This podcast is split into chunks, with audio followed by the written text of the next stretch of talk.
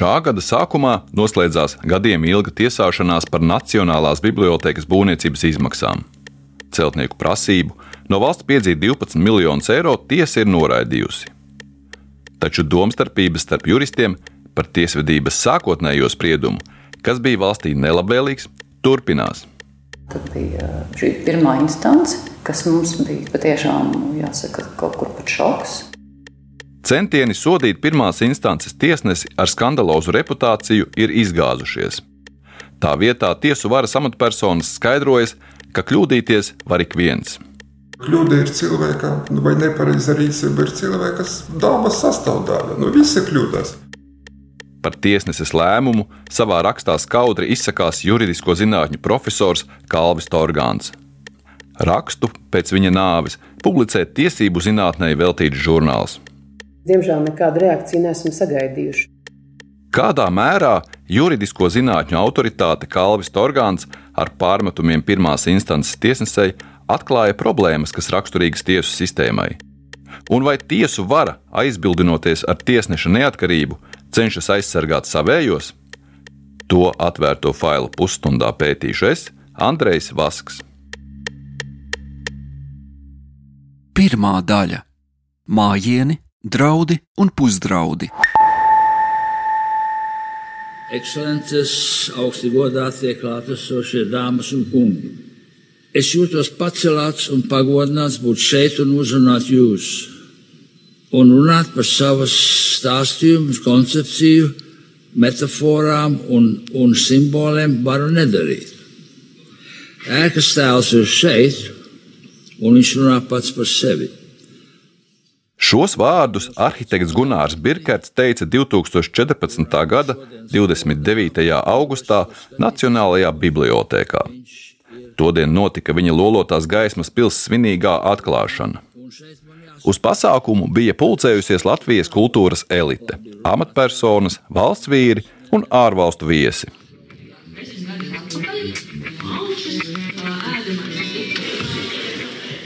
Kultūras ministra Dācis Melbārde uz skatuves izteica pateicību būvniekiem, Pilnsabiedrības Nacionālā būvkompāniju apvienība pārstāvim Mārim Saukānam.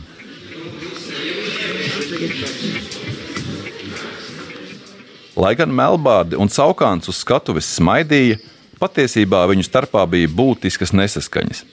Biblioteka izmaksāja gandrīz 270 miljonus eiro, taču būvnieki uzskatīja, ka viņiem nav samaksāta pilna cena par būvdarbiem un prasīja vēl 9 miljonus.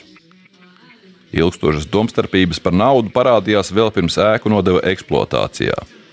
Ziņu virsrakstos laiku pa laikam parādījās būvnieku prasības, viņi rakstīja atklātas vēstules un solīja tiesāties, ja valsts nemaksās.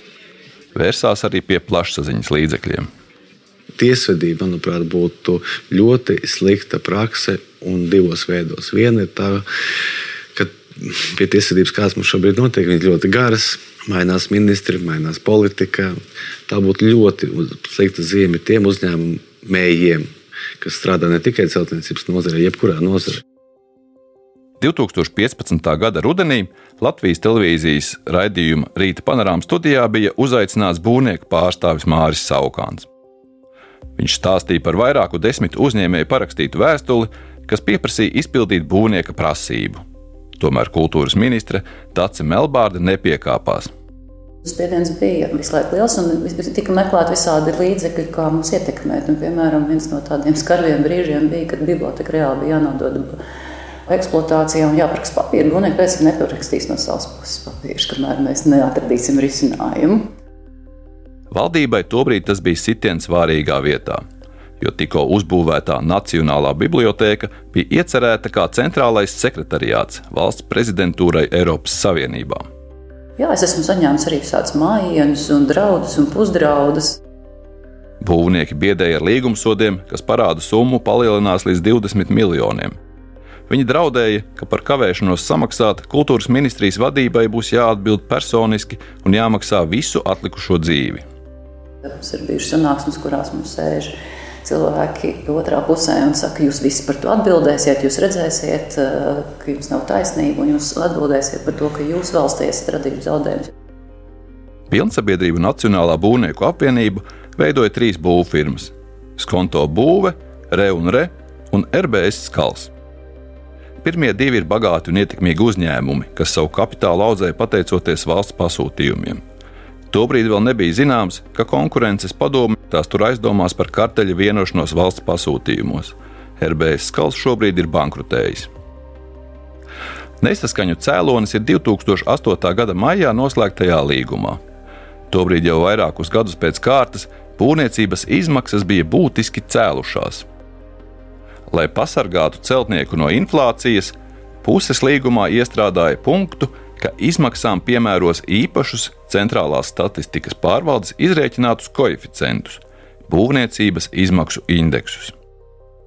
Uzsākot celtniecību un veicot pirmos norēķinus par pabeigtajiem etapiem, būvnieki bija apmierināti.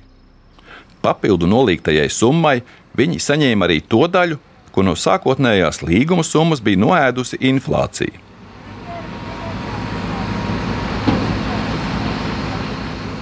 Taču sākās ekonomiskā krīze. Cenu pieaugums būvniecībā apstājās un sākās kritums. Turpina Dace Melbārda. Pirmajos gados, kamēr bija vēl inflācija, tikmēr būvniekiem nebija iebildumu par to, kā tiek interpretēts līgums, un nebija iebildumu pret indeksiem. Tie iebildumi sākās tajā brīdī, kad sākās deflācija. Un tas jau arī nu, lika aizdomāties par to, ka kaut kas nav kārtībā, un ka, nu, ka vienkārši ir mainījušies spēles noteikumi un apstākļi. Un, Būvnieks meklē nu, vienkārši citus veidus, kā saglabāt šo peļņu ar pluszīmēm. Kultūras ministrija bija droša par savu pozīciju, pretenzijas noraidīja un bija gatava tiesāties. Argumenti tai bija pārliecinoši.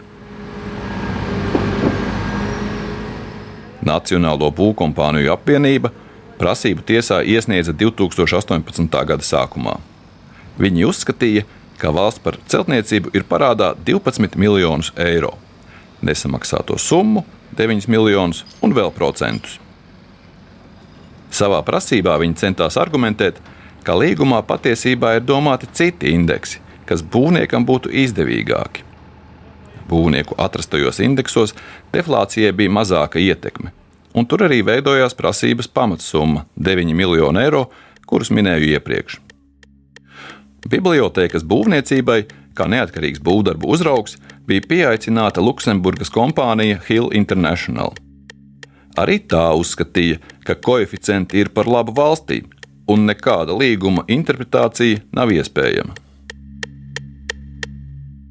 Otra daļa - burts B, turpmāk lasāms kā D. nozīmēta izskatīšanai civillieta pilna sabiedrības nacionālā būvkompānija apvienība prasībā pret Latvijas Republikas kultūras ministriju par parāda piedziņu. Lietu izskata tiesneša Meliņa piedalās. Pirms pieciem gadiem tiesas sēdi Vidzemes priekšpilsētas tiesā atklāja tiesnese Sandra Meliņa. Viņa apšaubāmu lēmumu dēļ žurnālistu uzmanības lokā ir nonākusi vairāk kārt. 2010. gadā viņa pildīja tiesas priekšsēdētājas pienākumus un atstāja spēkā izmeklēšanas tiesneša lēmumu par kratīšanu žurnālistes Ilzas Naglas mājās. Tobrīd izmeklētāja vāca pierādījumus lietā par datu noplūdu no valsts ieņēmuma dienesta datu bāzes. Eiropas cilvēktiesība tiesa kratīšanu atzina par nelikumīgu un piespieda Latvijai maksāt soda naudu.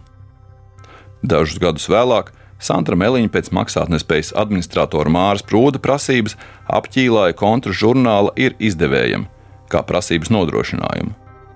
Apgabaltiesa vēlāk šo lēmumu atcēla, bet saima mainīja apķīlāšanas noteikumus. Tā prasītāja Nacionālo būvkompāniju apvienību pārstāv advokāti Tihonovs un Precinieks. Advokātu Viktoru Tihonovu var uzskatīt par kādreiz ietekmīgā advokāta Andra Krūtupa ietekmes mantinieku. Atbildētāja kultūras ministrija pārstāv Indriķis Buļlis un advokāti Ivans Sovičs, Torgāns un Lasmanis. Viņi tiesā uzstāja, ka prasība pret kultūras ministriju ir vai nu jāatstāj bez izskatīšanas, vai arī jānoraida. Svarīgākais pretarguments līguma punktu par koeficientu piemērošanu nevar interpretēt nekā citādi, kā to darīja kultūras ministrija. Savukārt būvnieki tiesā iesniedza lielu skaitu ar dokumentiem, kas viņuprāt pierādīja, ka līguma punktu par darba spēka izmaksu koeficientiem var iztulkot viņiem par labu. Lietu izskatīja vairākās tiesas sēdēs gandrīz gada garumā. Tā debats ir slēgts. Tiesa nosaka, ka nolēmums šajā lietā būs sastādīts un pieejams tiesas kancelējā šā gada 1. martā pēc 2014. ja runa ir par laiku. 2019. gada janvāra beigās, pēc ilgām debatēm, tiesa devās gatavot spriedumu. Tiesnese Sandra Meliņa nolēma, ka kultūras ministrijai jāmaksā būvniekiem 9 miljoni. Tad bija šī pirmā instance, kas mums bija patiešām nu, jāsaka, kaut kur pat šoks. Um, tas bija ļoti pārsteidzoši, un mūsu juristi arī nāca un dalījās pārdomās, ka viņa prāta pirmajā instancē, ka visi tie argumenti, ko tiesnese ir likusi, un arī kā tas process notika, rada tiešām aizdomas par to, ka varbūt ir arī tiesa mēģināt ietekmēt. Tā par pārsteidzošo spriedumu saka tā brīža kultūras ministre Dāce Melbārda. Pārsteigti par lietas iznākumu bija arī advokāti, kuri lietā pārstāvēja ministriju. Divi no viņiem, tostarp profesors Kalvis Torgāns, paši ir bijuši tiesneši. 2019. gada pavasarī juridiskajiem jautājumiem veltītais žurnāls Jurista vārds publicēja Kalvija Torgāna rakstu Tiesas kļūdas un tiesneša neatkarības robežas. Tajā viņš analizēja jautājumu, kur beidzas tiesnešu neatkarība un kur sākas patvaļa. Lūk, fragments no publikācijas, kuru ierunāja mans kolēģis. Tiesneša neatkarība un tās stiprināšana pēdējos gados daudzkārt apspriesta dažādās konferencēs un semināros. Mazāk runāts par tādiem gadījumiem, kad tiesnesis, jūsdamies neatkarīgs, taisa tādus nolēmumus, kuru atbilstību tiesību normām un principiem nespēj izskaidrot ne pats, ne kolēģi, ne tiesību zinātnieki. Viņš neminēja konkrēto lietu un ar vienkāršiem piemēriem izskaidroja notikušo. Tās būtu tiesas kļūdas, kādas nav piedodamas pat trešā kursa jurisprudences studentam. Diemžēl izfantazētais piemērs nav tālu no dzīvē notiekošā, ir pat trakāk. Piemēram, ka tiesa balstoties uz divu ekspertu atzinumiem nospriež, ka burts B turpmāk lasāms kā D un unikāla bibliotēkas ēka turpmāk uzskatāma par biroju. Rakstā viņš arī iezīmē iemeslus, kāpēc otrai pusē varētu būt nepieciešams pirmās instances spriedums, kuru visticamāk atcels. Tāda interese var būt, lai izdarītu spiedienu uz otru pusi, kaut ko līdzīgu šantāžai, izlīgt, vai arī vismaz pabojātu nervus pretiniekam un sev veidotu taisnības cīnītāju tēlu. Raksta kopsavilkumā viņš arī izdara secinājumus par lielo atcelto pirmās instances spriedumu skaitu. Tas, ka nozīmīga daļa pārsūdzēto tiesas nolēmumu tiek atcelta, rāda, ka nepietiek ar aicinājumiem strādāt kvalitatīvāk un nemitīgi celt kvalifikāciju. Tiesu priekšsēdētājiem un tiesu sistēmas pašpārvaldes institūcijām jāizrāda lielāks prasīgums par tiesas nolēmumu kvalitāti un lielāka bardzība pret tiesu varu diskreditējošu rupju nolaidību, tiesību normu analfabētisku traktējumu, paviršībām un vairāk vai mazāk slēptiem faktu sagrozījumiem, tiesību normu jēgas izkropļojumiem un pierādījumu ignorēšanu. Profesors Kalvis Torgāns bija pasniedzējis Latvijas Universitātē jau no 60. gadiem, un Latvijas neatkarības laikā kļuva par augstākās tiesas senatoru. Viņš ir daudzu publikāciju autors un bijis ļoti cienīts pasniedzējs vairumam šobrīd strādājošo tiesnešu, advokātu un prokuroru. Tā stāsta bijusī satvērsmes tiesas tiesnese un saimas deputāte Ilma Čepāne.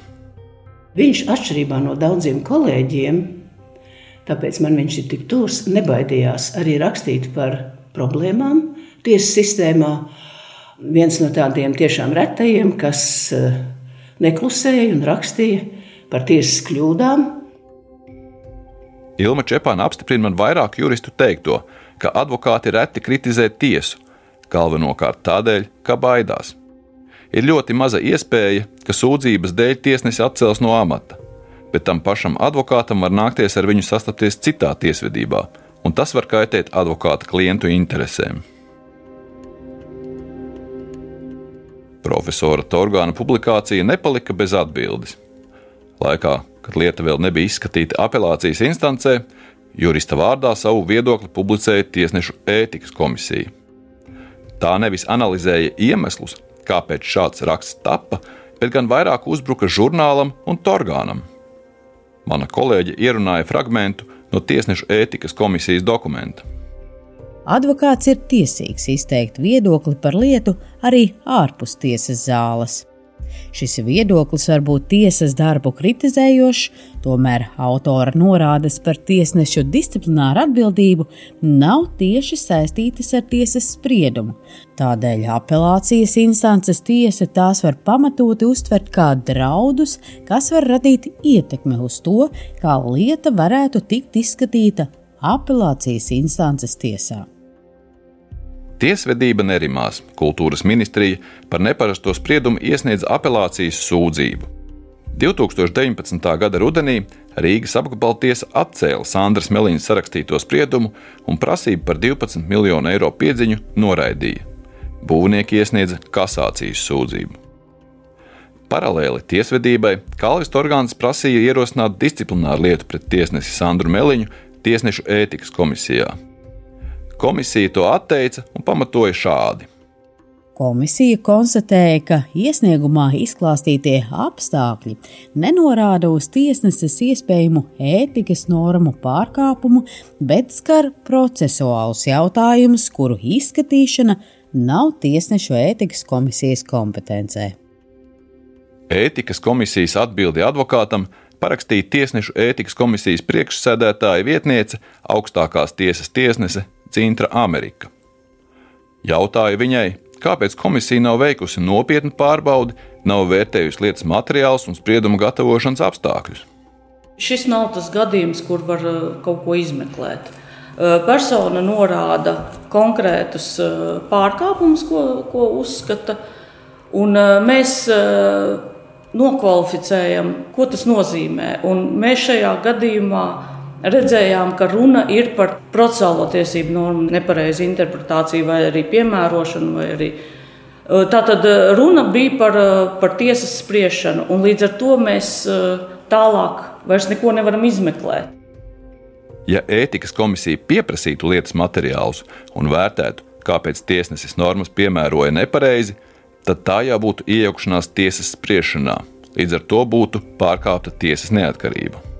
Mēs iejauktos tajā procesā un sanāktu tā, ka tā otra puse, kas ir tajā lietā, sanāk tā, ka tas strīds ir pārcēlies uz ētikas komisiju. Pusgadu vēlāk Tieslietu ministrijā atzina, ka Torgāna argumenti norāda uz nepieļaujamiem tiesneses pārkāpumiem. Tobrīd jau bija apelācijas tiesas spriedums, kurā būvnieku prasība bija noraidīta. Tieslietu ministrs Jānis Bordāns ierosināja disciplināru lietu un nodeva to izskatīšanai tiesnešu disciplināru lietu kolēģijai. Stāsta Jānis Bordāns. Profesora Torgāna, kas vienlaikus arī ir uh, goda tiesnesis un uh, ir bijis uh, senators, iesniegumā norādītie apstākļi man nedēva iespēju vispār nerosināt šādu disciplināru lietu, jo tie bija argumentēti. Tomēr arī tiesnešu disciplināra kolēģija nostājās tiesneses Sandras Meliņas pusē. Komisija tiesneses rīcībā nesaskatīja rupju nolaidību. Turpinājumā fragments no lēmumu, kuru ierunāja mana kolēģe. Tiesneša disciplināra kolēģija nekonstatē, ka tiesnese būtu pieļāvusi atklātus, nepiedodamus amata pārkāpumus lietas izskatīšanā. Apelācijas instances tiesas atšķirīgi secinājumi par lietas apstākļiem nav atzīstami par rupju nolaidību lietas izskatīšanā, un tiesneša saukšana pie disciplināra atbildības šādos gadījumos apdraudētu ļoti būtisku amata elementu neatkarību. Bordāns pieļauj, ka tiesnešu kolēģija pietiekami neiedziļinājās lietas apstākļos un izvēlējās vienkāršāko risinājumu. Nu, man tas likās eh, nepietiekami pamatots. Un es eh, saskatīju, ka šo tomēr Dorgan eh, kungam ir taisnība šajā gadījumā. Arī izvērtēt apstākļus. Turklāt, eh, nu, jāpiezīmē, ka tas jau nebija mans personiski vienīgi viedoklis vai lēmums. To izanalizēja vispirms Tiesas departaments Tieslietu ministrijā, kur arī ir kvalificēti juristi, kas ir ilgadēji strādājuši un tieši saistībā ar tiesām vērtējuši tiesu darbu. Disciplināra kolēģijas priekšsēdētājs ir augstākās tiesas tiesnesis Valērijas Maksīmovs. Es viņam jautāju, kāpēc tiesnesi nevar saukt pie atbildības par spriedumu, kur vairāki profesionāli juristi, arī Tieslietu ministrijas eksperti, saskata kaut ko vairāk par nepareizu faktu interpretāciju. Protams, ka uzlabojumiem robeža nav, bet kopumā sprieduma saturs bija atbilstošs likuma prasībām, attiecībā uz procesuālu dokumentu sastādīšanu. Bija skaidra tiesneses doma, tam var piekrist vai nepiekrist, bet argumentācija bija, pozīcija bija skaidra. Spriedums bija pēc augstākās tiesas viedokļa, no viņš bija kļūdējis pirmās instances spriedums attiecībā uz prasības apmierināšanu. Nu, bet kļūda ir cilvēka, nu, vai nepareiza rīcība ir cilvēka dabas sastāvdaļa. Nu, visi kļūdās, visas profesijas. Lai pieņemtu lēmumu, disciplināra kolēģija vērtēja tikai spriedumu. Pašu tiesnesi Sandru Meliņu viņa klātienē neiztaujāja, un arī ar visiem lietas materiāliem neiepazinās. Maksimovs stāsta, ka tāda izpēte nebija vajadzīga. Disciplināra kolēģija skata jau ierosinātas lietas uz tiem pamatiem, kur ir atspoguļota rīkojuma.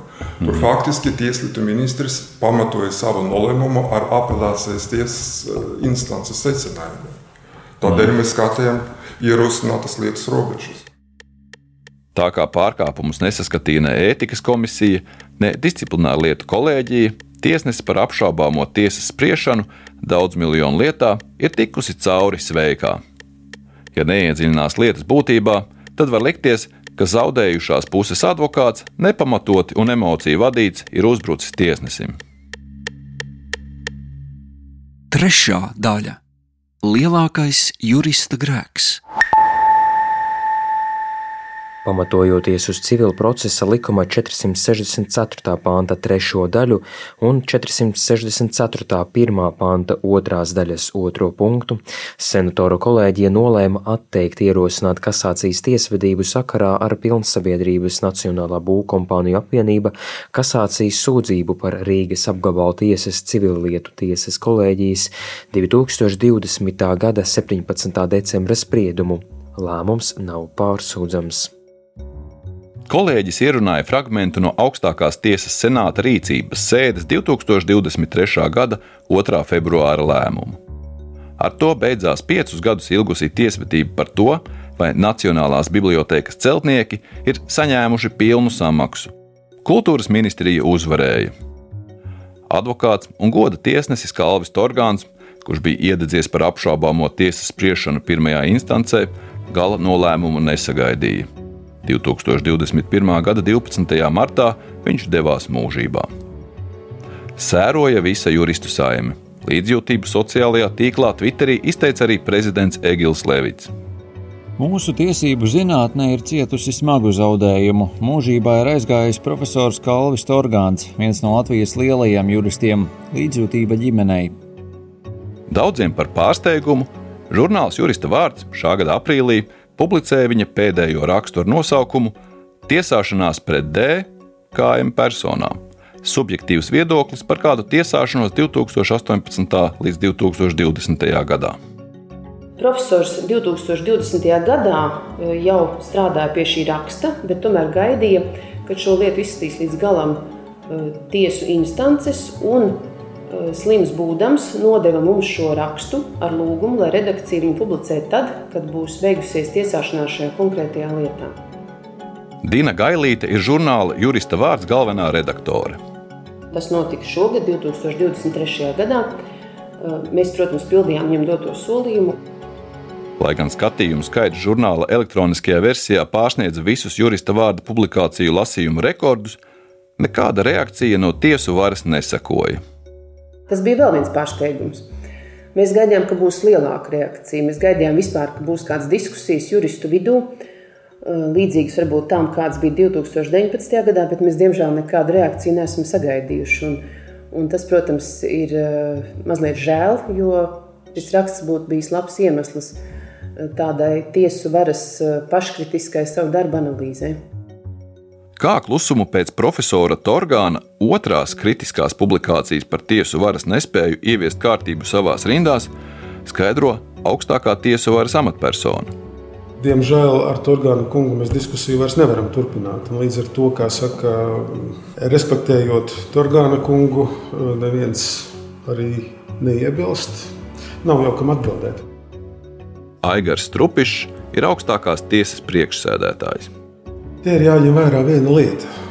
Torgāna kungs, lai gan viņš bija profesors, akadēmiķis, viņš bija lietas dalībnieks.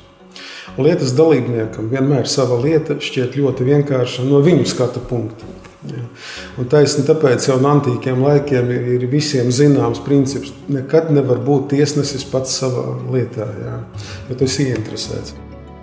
Šādam viedoklim kategoriski nepiekrīt Ilma Čepāne. Viņam vienmēr ir bijis tā, ka viņam jau nebija svarīgi, vai nu viņš šajā lietā zaudēs vai uzvarēs, bet viņš nevarēja izturēt to ārkārtīgo, piedodiet, tiesneša stulbumu vai arī kaut kāda cita veida ieinteresētību. Tas tā nebija. Es pilnībā nevaru piekrist Strupiša kungam. Strupišs piekrīt, ka nekvalitatīvs tiesnešu darbs ir jākritizē. Arī advokātam ir tiesības to darīt, taču tas jādara ētiski. Viņa prāt, orgāns šo robežu ir pārkāpis. Spriedumi ir jākritizē, bet bez emocijām. Nedrīkst, nevajag lietot tādus jēdzienus kā trešā kursa students vai, vai tam līdzīgi. Ja? Un, un kas ir vēl svarīgi, ir tas, kas šajā lietā bija, kad cilvēks ar lielu autoritāti ir, ir tomēr jāņem vērā, kas tu esi. Ja? Un attiecīgi arī jāuzvedas.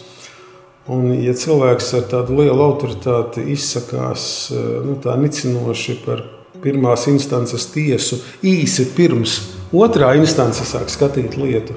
Nu, tas, tas ir tā. Jūs, protams, viņš neapzinājās to, to situāciju un to, to savu nevaru, statusu. To es nevaru komentēt. Un, nu, tās atbildes. Vai tas nebija tomēr tāds nopietns trauksmes signāls, ka kaut kas nav kārtībā, ja cilvēks ir gatavs riskēt ar savu reputāciju, likt uz spēles, lai pierādītu, ka tiesnesis ir rīkojies nepamatot? To es nevaru. Es tiešām nezinu. Es nevaru interpretēt to, kas, ko cits cilvēks ir domājis vai nav domājis, bet nav pateicis konkrēti. Katra tiesneša darbu reizi piecos gados izvērtē īpaša kvalifikācijas kolēģija. Pirms četriem gadiem tiesnesis Sandrs Meliņš vērtējums bija pozitīvs. Pēc tam par viņas darbu ierosināts divas disciplinārlietas. Vienā no tām - Pirms gada viņai izteica piezīmi par motivācijas neuzrakstīšanu kādā lēmumā. Tas viņai neliedz turpināt spriest tiesu. Tātad tiesa sēde tiek atlikta uz 20. oktobra pūkstens 11. Dalībnieki ir informēti, papildus paziņojumi vairs netiek sūtīti. Šodien tiesas sēde ir sākta. Jūnija sākumā Abrenes ielas tiesu namā Sandra Meliņa vadīja kādu tiesas sēdi. Pēc tās beigām Turpat tiesas zālē es viņu uzrunāju intervijai. Es atvainojos, Melīņas kundze, varētu pāris jautājumus sarunāt interviju šeit vai pēc mirkļa, vai par citu, par šo procesu nesaistītiem jautājumiem? Es, es, es mazliet es iznāku. Vēlos uzzināt Meliņas viedokli par profesoru Torgāna pārmetumiem. Acīm redzot, katram ir tiesības eh, izteikt savu viedokli. Tiesnešiem jāpierod Latvijā pie tā, ka viņu darbs tiek vērtēts. Es īpaši negribētu iedziļināties tiešām šajā publikācijā aiz cieņas pret profesoru Torgānu. Ņemot īpaši vērā, ka, ka šobrīd viņš vairs nav starp mums, kaut kā īpaši komentēt vai, vai izteikt piezīmes par viņa viedokli, nu, es nejūtos tiesīga. Zināmo teicienu mēs visi zinām par mirušiem, vai nu tikai labi, vai neko. Tiesnese Meliņa skaidro, ka vairs neuzskata savu iepriekšējo bibliotekas būvniecības līguma interpretāciju par pareizu, jo respektē augstāku instanču lēmumu, ar ko prasība noraidīta. Bet vai viņa pieļāva toreiz kļūdu? Es nezinu, vai tā var nosaukt par kļūdu tādu, kā tādu. Tas tātad ir šobrīd taisīts pretējs nolēmums. Man ir jāsaka, no tādiem eh, nav pasargāts neviens. Tiesnesis arī noliedz, ka viņai būtu kādas īpašas simpātijas pret prasītāju. Pilnīgi droši es varu pateikt, absolūti nekāda ietekme nav un nav bijusi. Pie gan, gan par šiem dalībniekiem runājot, gan par jebkuru citu. Jautāju arī būvniekiem, vai nepareizais tiesas spriedums pirmajā tiesu instancē nedēva viņiem viltus cerību, ka prasība varētu iziet cauri. Kompānijas konto būve man rakstiski atbildēja, ka joprojām pirmās instances tiesas spriedumu uzskata par pareizu, bet gala iznākumu par netaisnīgu. Saviem oponentiem viņi pārmet centienus vērt sazvērstības teorijas. Bet par šo visu šobrīd vairs nav īpaši lielas jēgas diskutēt, jo patīk tas mums vai nē, process ir noslēdzies, un mēs tikai varam filozofiski nodoties pārdomām par to, cik taisnīgs vai netaisnīgs ir tiesvedības process, jo oponents ir valsts ar saviem resursiem un process ir politiski nozīmīgs. Strīds ar būvniekiem izvērtās par labu valstī lielā mērā tādēļ, ka kultūras ministrijas vadībai jau no paša sākuma bija nelokāma nostāja. Bijusī kultūras ministre Taci Melbārda stāsta, ka to lek nesajūta atbalstu ne no valsts, ne arī no sabiedrības. Ja kādā gadījumā nu, tas spiediens un tā, tā sajūta psiholoģiski ļoti, nu, ļoti grūta, jo jāsaka, mēs tā, bieži vien arī jutāmies vieni paši. Jo jāsaka, būvnieki arī ļoti veiksmīgi veidoja arī sabiedrisko attiecību kampaņu. Šī raidījuma veidošanas laikā man radās jautājums, kāpēc profesors Kalvis Torgāns tik ļoti sāpīgi uztvēra vienas tiesneses spriedumu un publicēja savu rakstu, pirms lietā bija gala nolēmums. Manuprāt, savu atbildi profesors sniedz pirms vairākiem gadiem izdotā biogrāfijā Kalvis Torgāns - civiltiesībās un dzīvē. Tajā viņš ierakstīja šādu novēlējumu. Lielākais jurista grēks ir savas zināšanas izmantot likuma jēgas sagrozīšanai viltīgās schēmās, un iespaida veidošana, ka likumi rakstīti bailīgajiem un muļķiem. Raidījumu veidoja Andrejs Vasks, Džedars Čelzis un Reinis Budze. a 25.